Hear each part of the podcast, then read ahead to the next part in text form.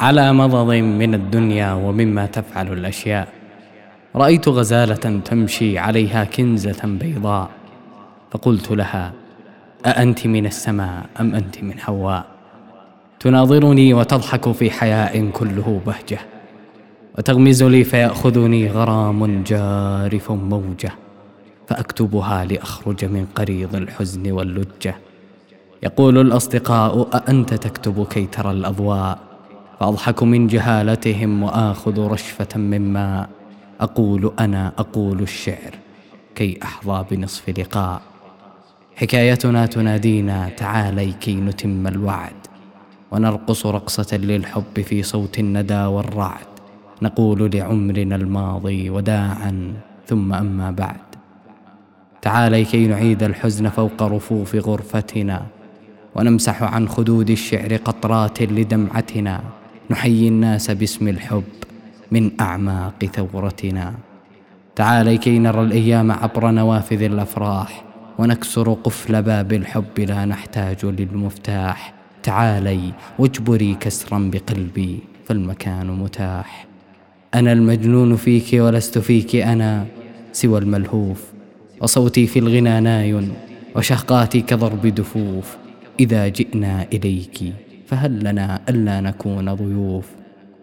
أنا يا حلوتي رجل أعيش على الهوى والحب ولست أقول في شعري سوى ما يحتويه القلب ولا شيء يسليني سواه إذا سلكت الدرب.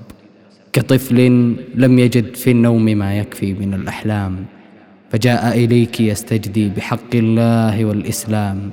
أنا أرجوك هل من قبلة أهنى بها وأنام؟ كسكير يحب الخمر كي ينسيه أحزانه وطعم الخمر يحرق جوفه ويزيد أشجانه ورغم أنينه لم يفتقد في الحب إيمانه. أنا لك منك يا ليلى وفيك أنا وأهواك ولست أريد شيئا في حياتي غير عيناك. أنا أحيا لكي أحياك يا ليلى وألقاك. أنا طفل رأى الدنيا بأن يتملك الألعاب. ويضحك دائما من دون أن يدري عن الأسباب.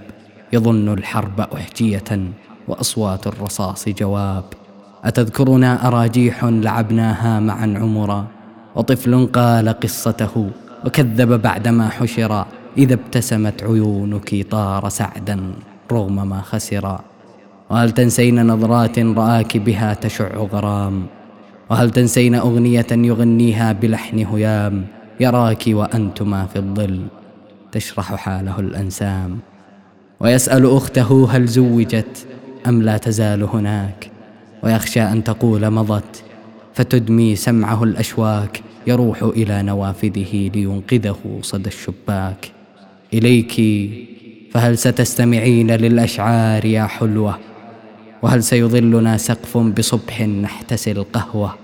وهل سنقاتل الأحزان والأوجاع والقسوة؟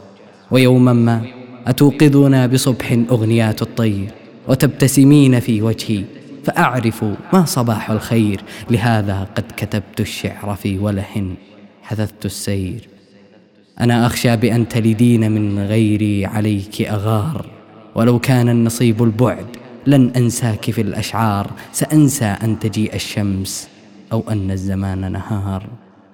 وروحي يا غنى روحي بدونك من يسليها ومن يهنى بها إن غبت عني أو يداريها وأغنية الصباح أيا حبيبة من يغنيها وأيهم من سيلبسه ثياب الحب صبح العيد على من يقرأ القرآن ممن يتقن التجويد لمن سيقول يا أماه أو يأتي لها بحفيد من النجم البعيد أراك يا ليلاي تبتسمين ولو تدرين كيف يراك قلبي عندما تحكين لقلت الناس شك يا حبيبي أنت أنت يقين.